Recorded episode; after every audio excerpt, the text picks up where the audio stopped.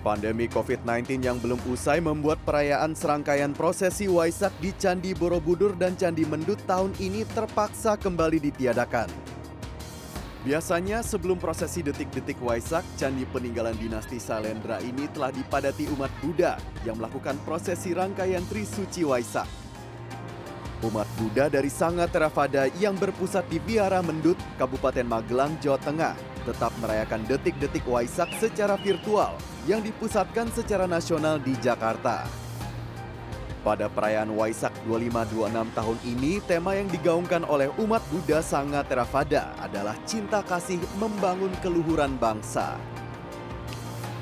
Kita juga melaksanakan sosialisasi kepada umat untuk tetap menjaga protokol. Artinya mau tidak mau dan pasti rasa karena tidak Waisak secara offline rasanya berkurang, tetapi tentu ini adalah untuk kepentingan bersama.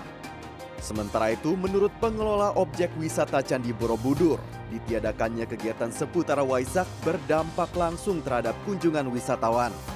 Adapun pengelola tetap membuka pelayanan bagi wisatawan dengan menerapkan protokol kesehatan. Trijoko Purnomo, Magelang, Jawa Tengah.